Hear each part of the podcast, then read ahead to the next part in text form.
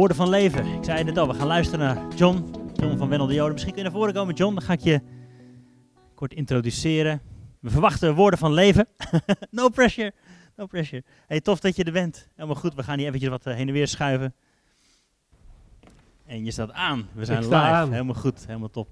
Mooi. Woorden van leven. Ik zei het al, we willen graag luisteren naar Gods woord. We hebben jou gevraagd om vandaag te komen om te spreken. Hè, We, hebben ons thema over de heartbeats van Connect Kerk, de waarden. We geloven dat het koninkrijkswaarden zijn. En we hebben jou gevraagd of je wilde spreken over reaching out. Hoe, hoe doe je dat nou? Jij weet alles van reaching out? Een beetje, een beetje. Oscar. Nee, top. we zijn erg benieuwd wat je met ons wilt delen. We geloven dat God door je heen wil spreken. We hebben een zegen hier houden mee. Maar we vinden het ook leuk om jou een beetje beter te leren kennen. Dus misschien kun je kort iets vertellen over wie je bent. Verliefd, verloofd, getrouwd of allemaal. Eh, Ehm, vertel even iets kort verliefd, eh, ooit verloofd geweest, inmiddels getrouwd. Ik ben John, ik ben eh, 41 jaar, kom uit Almkerk, klein plekje. Voor eh, degenen die eh, de kaart een beetje kennen tussen Utrecht en Breda. Dus een uurtje hier vandaan. Ik ben getrouwd met Candice, eh, al 16 jaar inmiddels. Eh, drie mooie kinderen. Eh, ben in het dagelijks leven ondernemer. Eh, ik adviseer bedrijven over organisatieveranderingen, over processen, over eh, leiderschap. Dat is een onderwerp wat ik leuk vind. En daarnaast heb ik passie voor het koninkrijk, heb ik passie voor Jezus en mag ik op allerlei plekken daarover delen.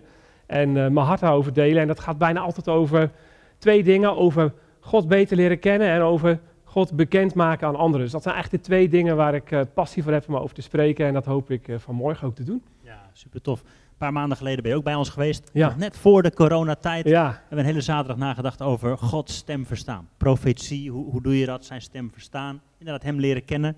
Ja. Maar dan ook dat naar elkaar Yes. bekendmaken. Dus Yes. eh, nou, eigenlijk is het een soort van logisch eh, vervolg daarop. We zegenen jou in Jezus' naam. En eh, ik ga lekker zitten, we gaan naar je luisteren. Dankjewel. Yes. Ik ga op de middenstip staan. Dat doe je bij een voetbalwedstrijd ook altijd, geloof ik. Hè? En dan wacht je op het fluitje. Ehm,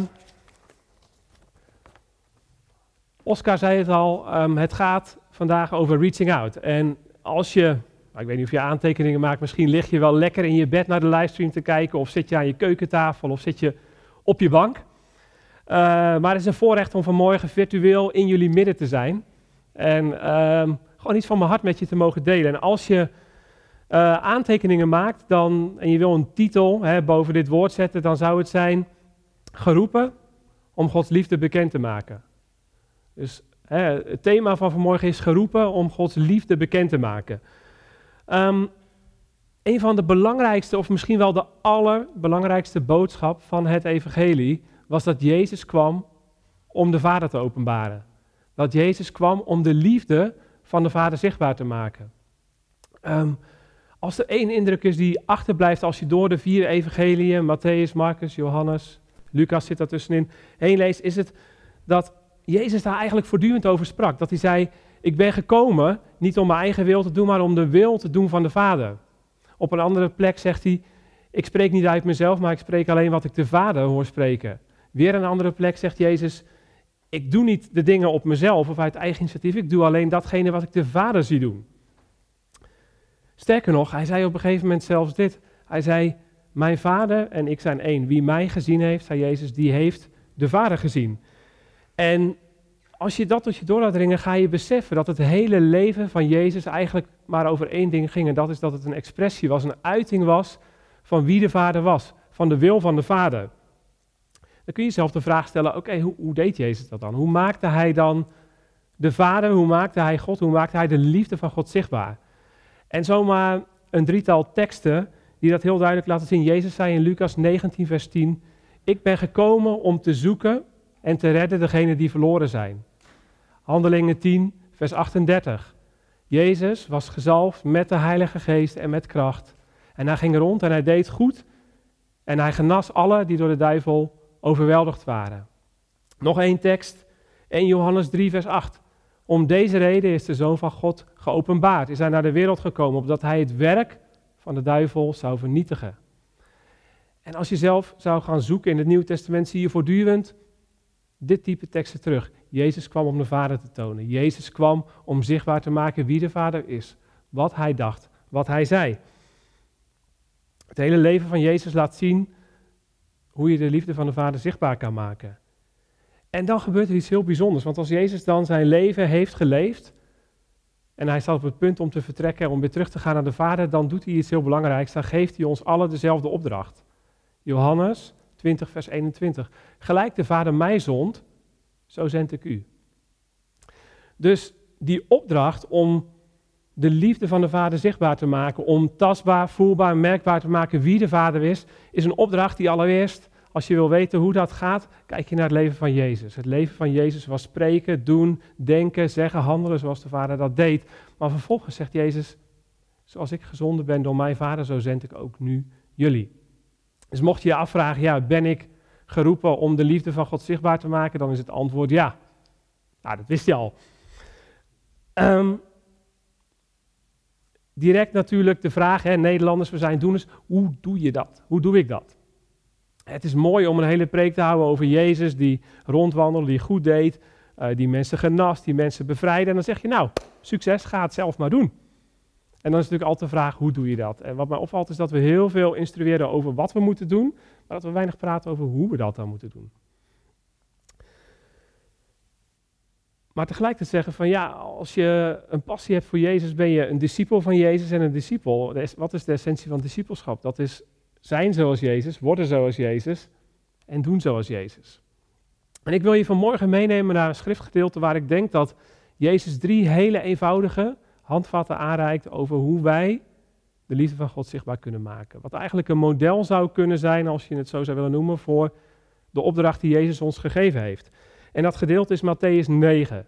Als je het op wil zoeken, Matthäus 9, vers 35 tot 38.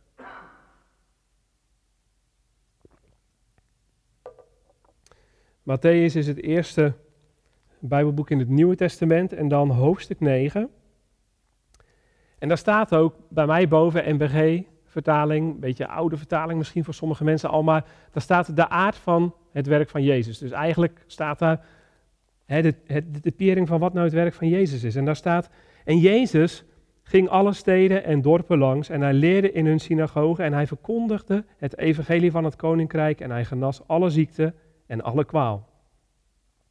Toen hij de scharen zag, werd hij met ontferming over hen bewogen, omdat ze voortgejaagd en afgemaat waren, als schapen die geen herder hebben. Toen zeide hij tot zijn discipelen, de oost is wel groot, maar de arbeiders zijn weinig. Bid daarom de Heer van de oost dat hij arbeiders zal uitzenden in zijn oost. Eigenlijk zie je hier ook meteen de reden waarom dat Jezus ons betrekt in de opdracht die hij van de Vader heeft gekregen. Hij zegt, Jezus zag de scharen en hij zag hoe groot de nood was. En hij was zelf, we zien hier een plaatje waar Jezus voortdurend bezig is. Hij geneest mensen, hij zet mensen vrij.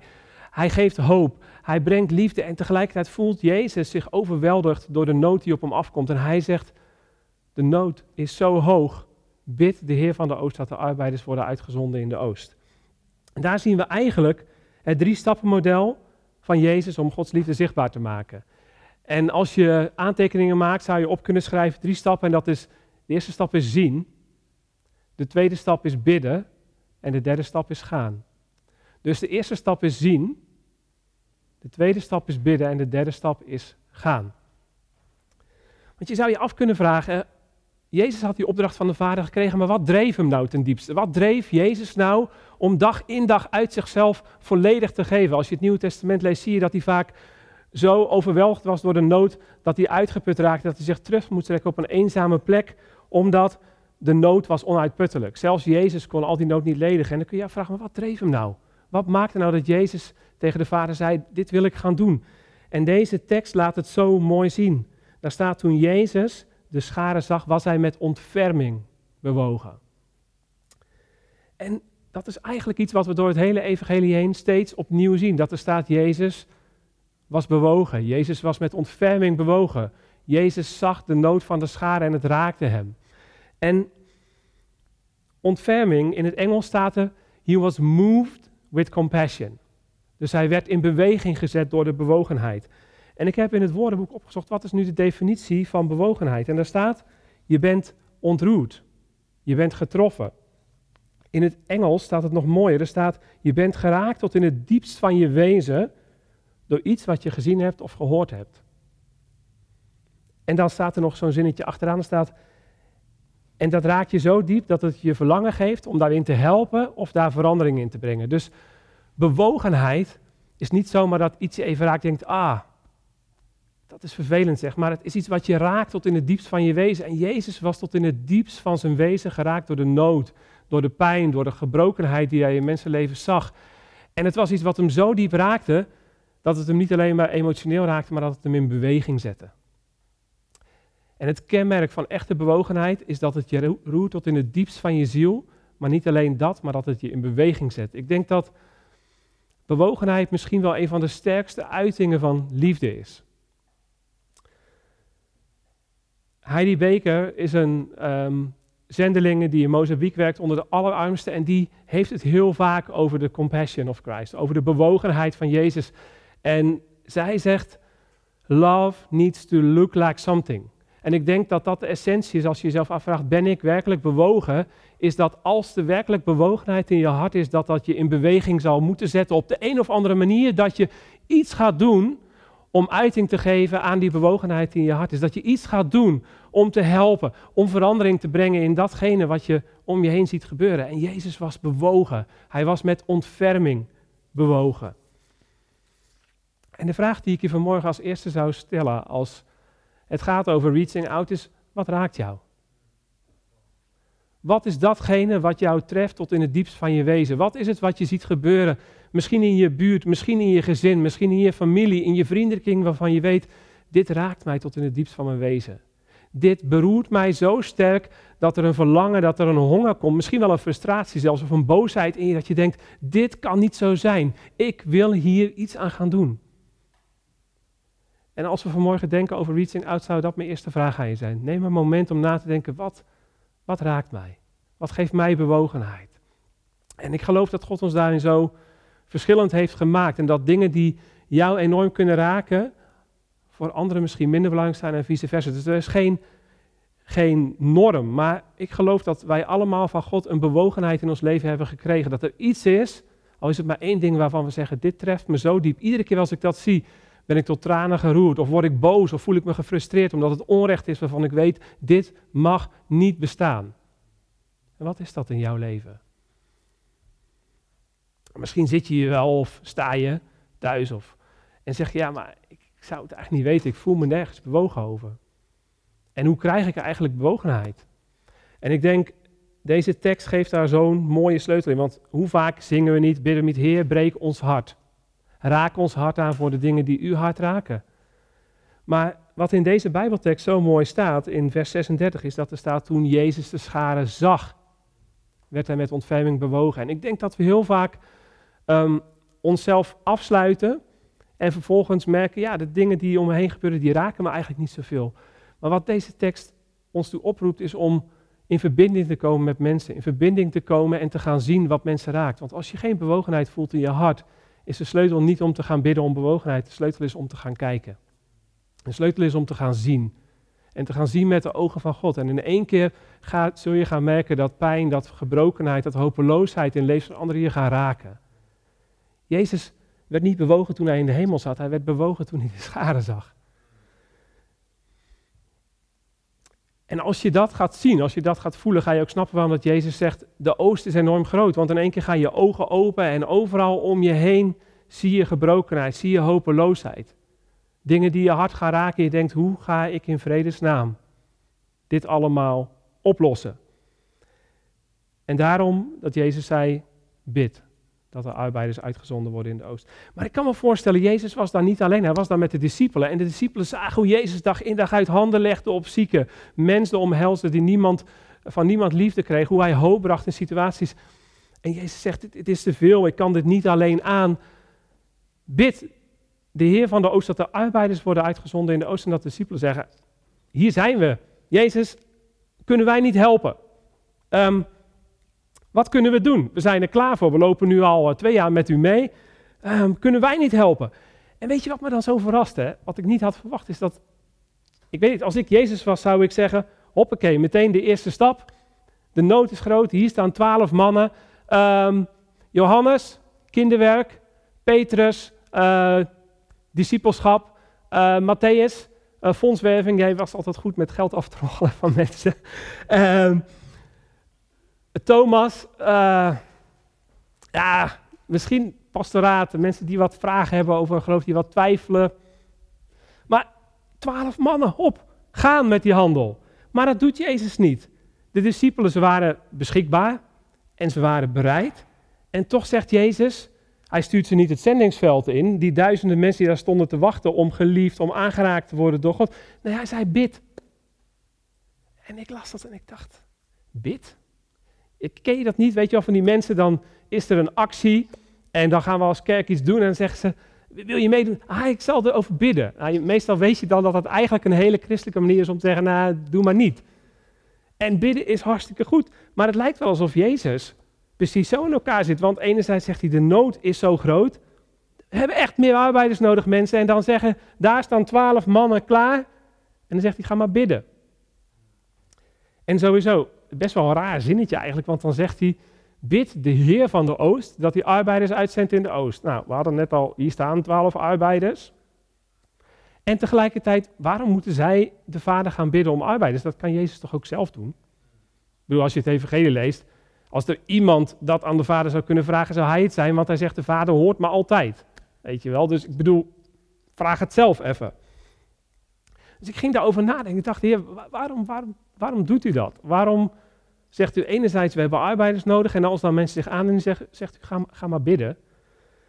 En ik denk dat het antwoord ligt in de opdracht die Jezus aan de discipelen geeft. Want hij zegt het volgende, het is een heel interessant zinnetje. Hij zegt, de oost is wel groot, vers 37, maar de arbeiders zijn er weinig. Bid daarom de Heer van de oost dat hij arbeiders uitzendt in de oost. En als je naar dat zinnetje kijkt, zie je dat er eigenlijk een verbinding is tussen enerzijds de Heer van de oost en anderzijds het uitzenden. Dus Jezus zegt, ja, ik ben door de Vader uitgezonden. Als jij uitgezonden wil worden in de oost, ik ben niet degene die je uit kan zenden, je moet naar de Vader toe. Hij is de enige die je uit kunt zenden. En toen ging ik nadenken over, maar waarom dan? En dat woord uitzenden in de grondtekst is een heel interessant woord, want dat is het woord ekballo. En ekballo is een woord wat in het Nieuwe Testament bij herhaling wordt gebruikt. Maar niet om mensen uit te zenden op het zendingsveld, maar het is het woord wat gebruikt wordt om demonen uit te drijven. Het is het woord wat betekent met kracht uitdrijven, met kracht uitstoten, eruit duwen, als het ware. Iedere keer als je in het Nieuwe Testament leest dat Jezus een demon uitdrijft, dat woordje uitdrijven is ekballo. Dat betekent met kracht, met geweld, met force. Iets naar buiten stoten. En dat vond ik zo interessant, want in één keer ging ik het begrijpen. Want net zo goed als dat dat woord ekballo, als Jezus een demon uitdrijft, erover gaat dat je wordt uitgedreven door de kracht van God, door de kracht van de Heilige Geest, zegt Jezus, als je de roeping van God voelt om iets te doen aan die nood, heb je nodig dat je uitgezonden wordt met kracht. Heb je nodig dat je uitgezonden wordt met de kracht van de Vader. Ekballo. En ik denk ook dat dat misschien wel het belangrijkste verschil is tussen liefdadigheid, als je dat zo wil noemen, en christelijke bediening. Want als we naar nood gaan kijken, raakt dat uiteindelijk ons allemaal. En hoe snel zijn we dan geneigd om te gaan reageren op de nood? Om vanuit enthousiasme, vanuit liefde die we in onszelf voelen, medemenselijkheid, te proberen iets te gaan doen aan die nood. En de discipelen hadden dat zomaar kunnen gaan doen, want Jezus zei, er is zoveel nood. En de discipelen zagen dat ook. En voor je het weet zeg je, ik, ik ga daar iets aan doen. Maar Jezus zegt, Jezus wist dat menselijke liefde, menselijke bewogenheid uiteindelijk ophoudt. Zeker als je om je heen kijkt en de nood is zo groot. Hij wist er is maar één iets wat werkelijk het antwoord is op deze nood. En dat is de liefde en de kracht van God. En ik denk dat de reden dat Jezus zei, ga eerst naar de Vader. Want dat is eigenlijk wat hij zegt. Is omdat hij wist, als wij de oost binnen willen halen, kunnen we dat niet doen door menselijke middelen. Kunnen we dat niet doen door menselijke liefde. Kunnen we dat niet doen door menselijke kracht. Maar als wij de oost willen binnenhalen, als we mensen werkelijk willen brengen bij God, hebben we de bovennatuurlijke liefde en de bovennatuurlijke kracht van God nodig. En Jezus wist dat alleen de Vader kan mensen toerusten met die bovennatuurlijke liefde en die bovennatuurlijke kracht. Als we, zoals Jezus zegt, God gaan zoeken, En hem vragen, Heer, wilt u arbeiders uitzenden in de oost? Dan gaan we iets ontdekken. En wat we gaan ontdekken, is dat God allereerst jou zoekt. Dat God allereerst ons zoekt. Dat het niet zozeer is dat God op zoek moet naar een paar mensen die bereid zouden zijn om te gaan, maar dat God op zoek is naar mensen die bereid zijn om eerst een ontmoeting met Hem te hebben. Dat God op zoek is naar mensen die Hij kan uitsturen, niet vanuit menselijke compassie, niet vanuit menselijke liefde, van menselijke bewogenheid, maar mensen die aangeraakt zijn door de liefde en de kracht van de Vader. En ik heb hier opgeschreven dat als je een verlangen hebt, als jij een verlangen hebt om door God gebruikt te worden, is de roep die Jezus vandaag doet niet zozeer een roep om te gaan, maar het is een roep om te komen. Het is niet een roep om uit te gaan de wereld in en te doen wat je maar kunt doen, maar het is een oproep allereerst om te komen en zelf een ontmoeting, misschien voor het eerst, misschien opnieuw, te hebben met de liefde en de kracht van God. En wat je dan vervolgens ziet is ehm, vers 38, zegt Jezus tegen de discipelen, ga tot de Vader en bid hem dat die arbeiders uitzendt in de oost. En het volgende hoofdstuk, hoofdstuk 10, zie je hoe de discipelen uitgezonden worden om het evangelie te prediken, om zieken te genezen, om gebondenen vrij te zetten. En dat ze dus uiteindelijk wel degelijk uitgezonden worden in de oost. En ik denk dat je inmiddels wel duidelijk is geworden dat net als de discipelen wij en ook jij geroepen bent om uit te gaan in de oost. Jullie jaarthema is uh, Handelingen 1 vers 8. Je zult kracht ontvangen en je zult mijn getuige zijn. En eigenlijk gaat die tekst over precies hetzelfde als wat Jezus hier zegt. Want getuige zijn veronderstelt dat je zelf iets hebt ervaren waar je over praat. Veronderstelt dat je zelf iets hebt meegemaakt waar je van kunt vertellen. Je kunt niet getuige zijn van iets wat je zelf niet gezien, gehoord of ervaren hebt. Dus als er in jouw hart een verlangen is om getuige te zijn van Jezus, to reach out, dan is de eerste oproep om te komen en zelf een ervaring te hebben met de liefde en met de kracht van God in je leven. En dan zeg je misschien, ja, dat is mooi, maar hoe, hoe ziet zo'n ontmoeting er dan precies uit? Want een ontmoeting hebben met de liefde en de kracht van God, een ontmoeting hebben met de Vader, met de Heer van de Oost, wat, wat is dat dan? En de titel van deze preek is geroepen om Gods liefde zichtbaar te maken. En ik denk dat het voor iedereen wel duidelijk is dat we leven in een gebroken wereld die hunkert naar echte liefde, die hunkert naar vergeving, naar hoop. En waar ook meer dan ooit de bovennatuurlijke liefde en kracht van God nodig is om antwoord te geven op situaties waarin zoveel pijn kan zijn, waarin zoveel gebrokenheid kan zijn, waar zoveel nood kan zijn. Dus eigenlijk is, als je dit hele verhaal bekijkt, er maar één hele eenvoudige vraag die van belang is. En dat is, ken je zelf de liefde van de Vader?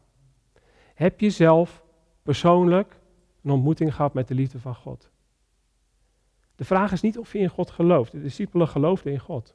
Terwijl ze daar stonden, waren ze zelfs al volgelingen van Jezus. Ze stonden met hem op het zendingsveld. Ze stonden midden in de wereld, midden in de nood. En toch zei Jezus, er is nog iets nodig voordat ik je uit kan zenden. En dat is dat je een ontmoeting zult hebben met de liefde van de Vader. Dus de vraag is eigenlijk heel simpel, ken je zelf uit ervaring de vrede, de liefde, de hoop, de rust, de kracht die alleen God kan geven?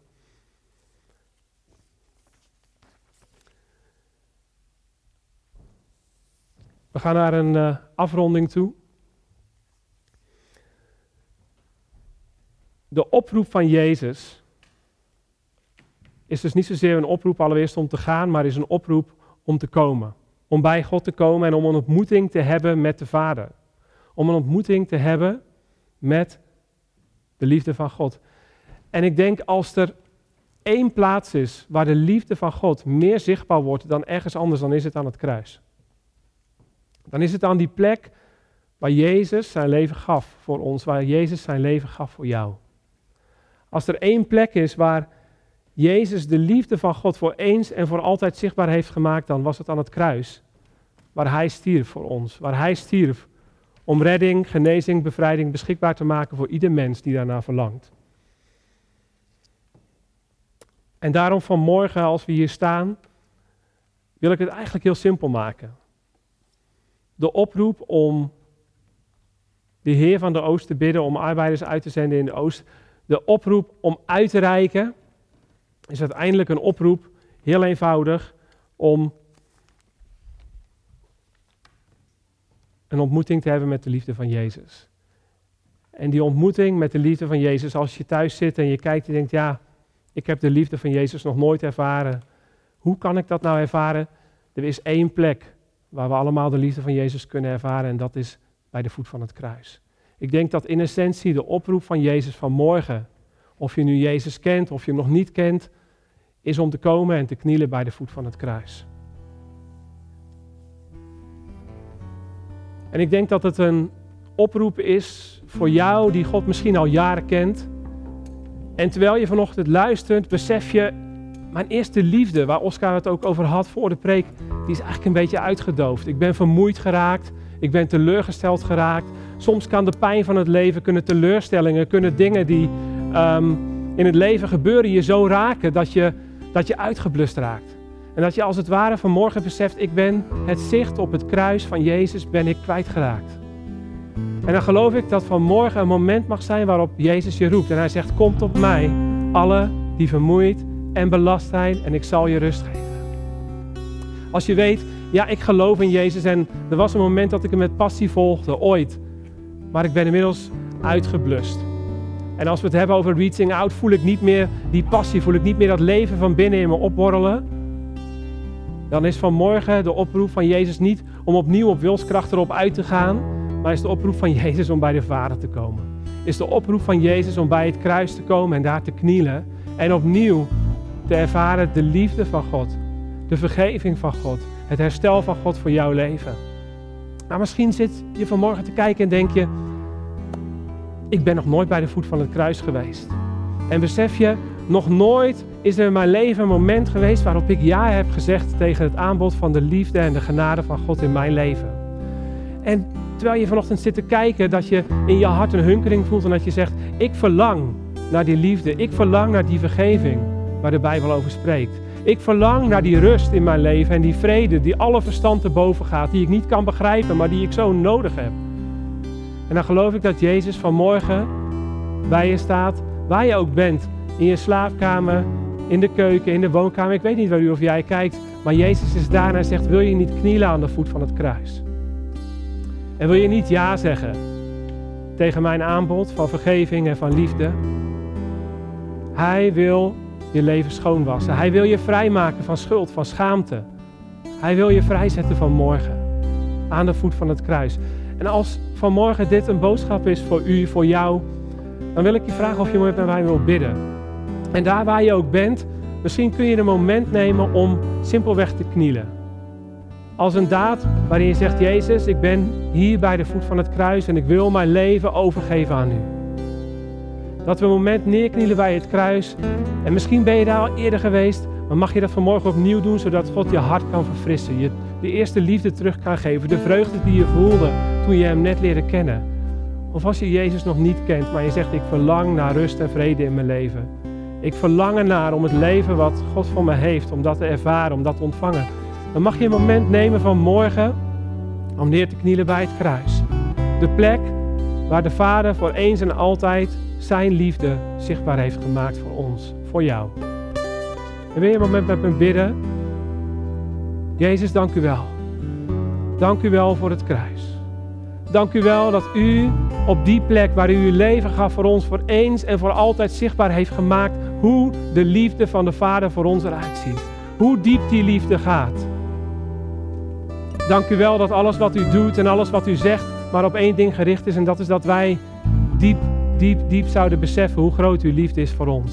Dat er nooit een put is die te diep is, dat er nooit een zonde is die te groot is, dat er nooit een hart is wat te koud is om door uw liefde aangeraakt, hersteld en vernieuwd te worden. En Jezus, vanmorgen komen we bij u en komen we bij dat kruis. En danken u dat u uw leven heeft gegeven voor ons.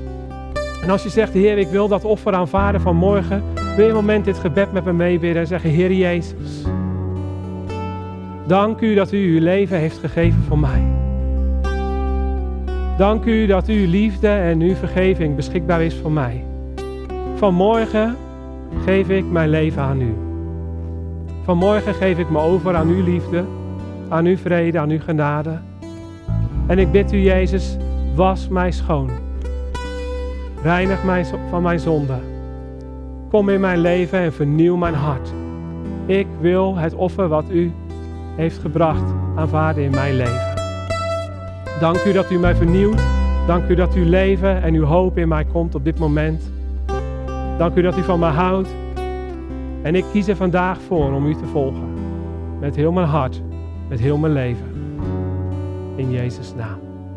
Amen. Als dit jouw gebed was, als dit uw gebed was vanmorgen, wil ik zeggen welkom bij God, welkom thuis.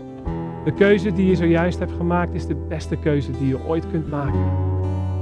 Want het was niet zomaar een gebed wat je hebt uitgesproken, maar dit was het moment waarop je ja hebt gezegd tegen God die al lang ja zei tegen jou. En de liefde en het leven van God is op dit moment binnen in jou gekomen. En als je die keuze hebt gemaakt, wil ik je aanmoedigen om het niet alleen bij deze stap te laten vanmorgen, maar een volgende stap te zetten. En zoals je net gebeden hebt, inderdaad je hele leven aan Hem te geven. Een plek te vinden waar je Jezus beter kunt leren kennen. En je zegt heel simpel, als je je bekeerd hebt, als je gelooft hebt, laat je dan dopen. Dus ik wil je oproepen vanmorgen, als je die stap hebt gemaakt, geweldig. Maar laat het daar niet bij. Leer God ontdekken, leer God kennen, het plan wat Hij heeft voor jouw leven. En ik ervoer ook zojuist dat er misschien een aantal mensen zijn vanmorgen dat je moeite had om dit gebed te bidden omdat je voelt dat er boosheid in je hart is, dat er bitterheid in je hart is, dat er dingen zijn gebeurd in je leven waardoor je vast bent komen te zitten in, in verwijt, in bitterheid, in misschien uh, mensen of zelfs van God die je niet kunt vergeven voor wat er in je leven is gebeurd. Maar ik geloof dat vanmorgen het moment is waarop je bij de voet van het kruis mag komen en dat je dat los mag laten. Als vanmorgen een moment is waar die dingen die je zo vast hebt gehouden dat je bent gaan beseffen, die zijn niet uh, die zijn niet weg, maar die zijn mij vast gaan houden. Het is een gevangenis geworden in mijn leven waar ik in vast ben komen te zitten. En ik bid op dit moment dat je bij het kruis mag komen, dat je dat los mag laten. Want ik geloof dat God zegt, als je loslaat, zul je zelf ook losgelaten worden. En het zijn dingen die in je leven gebeurd zijn, die de stroom van de liefde en de genade van God in je leven gestopt hebben. Maar God wil dat vernieuwen. God wil herstel brengen. Het hart van het evangelie, het hart van het kruis is vergeving. En als we bij het kruis komen, is dat niet alleen de plek waar we vergeving ontvangen, maar ook waar we vergeving kunnen uitdelen aan anderen. Omdat het vrij maakt. Omdat het ons vrij maakt van pijn, van het verleden en dat het ons vrijzet om het leven te leven wat God voor ons bedoeld heeft. En een ander iets is dat um, ik geloof dat er één of misschien meerdere mensen zijn die keken vanochtend. Er is iemand die heeft last van zijn nek. En Jezus heeft niet alleen de prijs betaald aan het kruis voor onze zonde, maar hij heeft ook zijn leven gegeven zodat we genezing konden ontvangen. En ik weet niet of het is dat het iets is geweest waar je een whiplash hebt gehad in het verleden die niet helemaal hersteld is. Maar als u of jij dat bent, wil ik je een moment vragen om je hand op je nek te leggen. Wil ik een moment kort voor je bidden. Vader, dank u wel, Heer, dat u niet alleen vergeving van zonde aanbiedt aan ons, Heer, maar dat u ons vrijheid en genezing aanbiedt. En op dit moment in de naam van Jezus spreek ik genezing uit over deze persoon die klachten heeft in zijn of haar nek. In de naam van Jezus zeg ik gewrichten, botten, pezen, spieren, herstel in Jezus' naam. En ik zeg wees gezond in Jezus' naam, wees genezen. Vader, dank u wel, Heer, dat u vanmorgen mensen aanraakt. Dank u wel, Heer, dat uw liefde nooit ophoudt, dat u genade nooit ophoudt. We danken u daarvoor, Heer, en we geven u alle eer in Jezus' naam. Amen.